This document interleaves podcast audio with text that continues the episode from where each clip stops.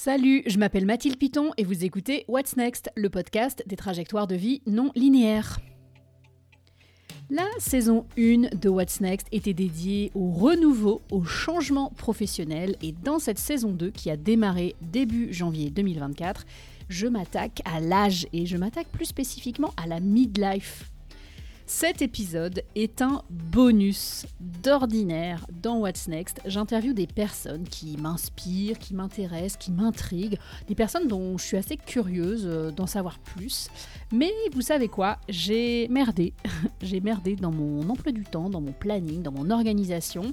Et euh, bah, j'ai pas d'enregistrement finalisé pour cette semaine. La vie m'a rattrapé. Voilà, c'est mon excuse. La vie.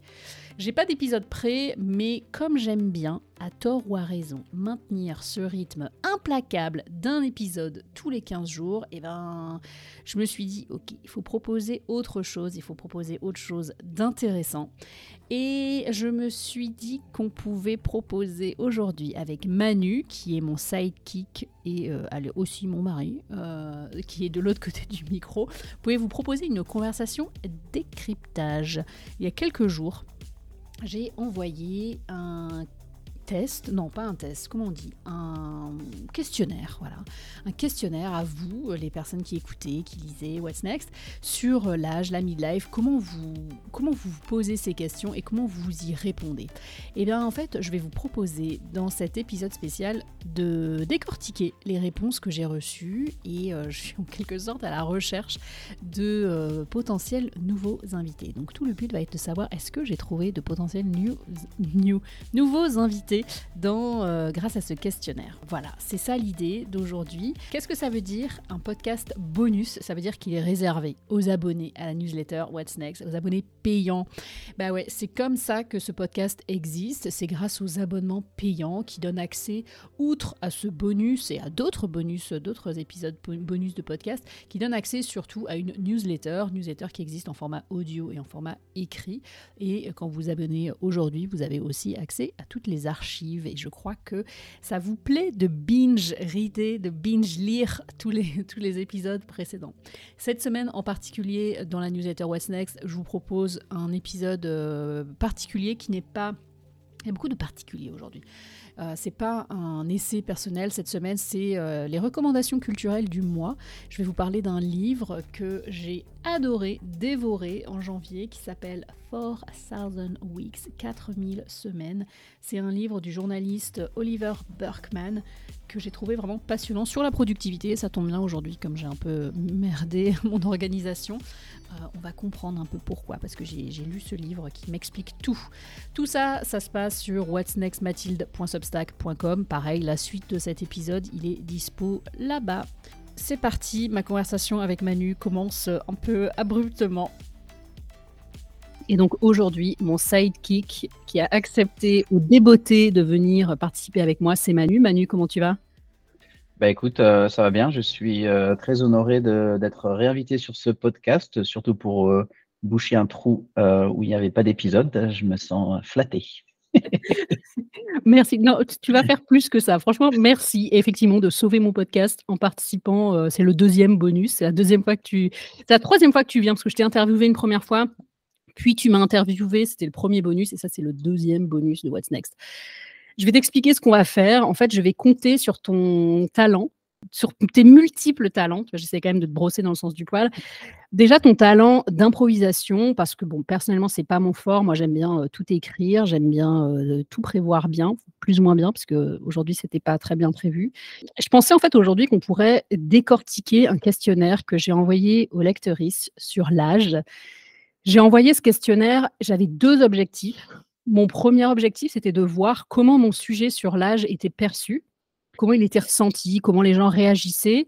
Et je voulais aussi voir s'il y avait potentiellement de, bonnes candidates pour le podcast, des personnes qui avaient des histoires intéressantes à raconter, des parcours à partager sur l'âge, sur cette question de vieillir.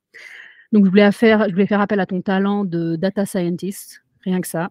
Euh, tu n'auras pas le même salaire euh, dans mon podcast, mais c'est ton, ton talent à savoir décortiquer des résultats. Tu penses que tu peux le faire? Euh, Ouais, bah, écoute, on peut. Est-ce qu'il faut calculer la moyenne des âges, par exemple, ou la déviation standard euh, des âges, ou des trucs comme ça? Alors, les questions euh, que j'ai posées dans ce questionnaire sont en partie inspirées par un Substack euh, qui s'appelle Holster, qui est tenu par quelqu'un qui s'appelle Sari Button. C'est quelqu'un qui, c'est une journaliste et une autrice américaine. Et dans Holster, elle parle de l'âge et en fait, elle interviewe des gens de tous les âges, plutôt des gens vieux, euh, beaucoup des gens euh, dans, dans leur quatre-vingtaine, mais en fait, elle interviewe vraiment des, des gens de, de, tous les âges et elle leur pose toujours les mêmes questions. Donc moi, c'est pas exactement ce que je veux faire avec What's Next, mais pour ce questionnaire, pour un peu tâter le terrain de comment euh, les personnes qui me suivent euh, réagissent aux, aux, aux, questions de l'âge, bah, j'avais envie d'utiliser certaines de ces questions. On va décortiquer ensemble ce que j'ai reçu sans dire les noms, ça reste euh, privé. Je t'ai partagé le document. Et en fait, l'idée, c'est de faire la conversation qu'on aurait eue en privé sur qu'est-ce que je fais de ces résultats, mais on va la voir ici enregistrée. Est-ce que ça te va? Bah oui, allez, c'est parti. Ok, donc tu vois, il y a plusieurs questions et donc plusieurs colonnes. On ne va pas s'occuper de la colonne quel est votre prénom? Ça, c'est pour, euh, moi, pour plus tard. Et bah, je vous pas vraiment de méthode d'analyse de données, donc tu me diras euh, comment toi tu peux améliorer ça. Mais en gros, déjà, si je regarde euh, les réponses de quel âge avez-vous, on est effectivement dans la cible, dans le sens où c'est vraiment des gens dans la midlife. Il y a beaucoup de gens de 40 ans, il y a, quelques, il y a pas mal de gens aussi quand même dans la trentaine. Donc je me dis, c'est les gens pré-midlife. Ou je sais pas en fait quand est-ce qu'on. La midlife commence quand on décide que la midlife commence. Donc elle peut commencer à 35 ans, elle peut commencer à 40.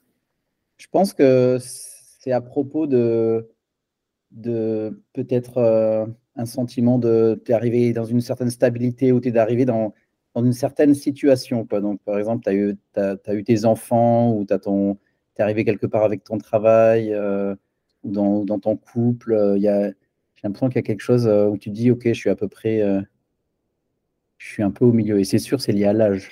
Là, j'ai euh, mis en fluo, tu verras ce que tu en penses, mais j'ai déjà une piste de trois personnes qui pourraient être de qui ont manifesté l'envie d'être dans le podcast et euh, où je me suis dit ah ouais c'est sympa ce qu'elle raconte. Non pas que en fait tout le monde a des choses à raconter et il y a des choses à apprendre de toutes les histoires qui ont été partagées, mais les, bandes que j'ai mis en fluo, c'est des personnes, euh, je me dis ça pourrait être des bonnes candidates de podcast. Il y a quelqu'un qui a 48 ans et voilà, l'épisode s'arrête ici, cette preview s'arrête ici. Rendez-vous sur whatsnextmathilde.substack.com pour écouter l'épisode en intégralité. Le player est très agréable à utiliser sur Substack, vous verrez, surtout si vous avez l'app sur votre téléphone.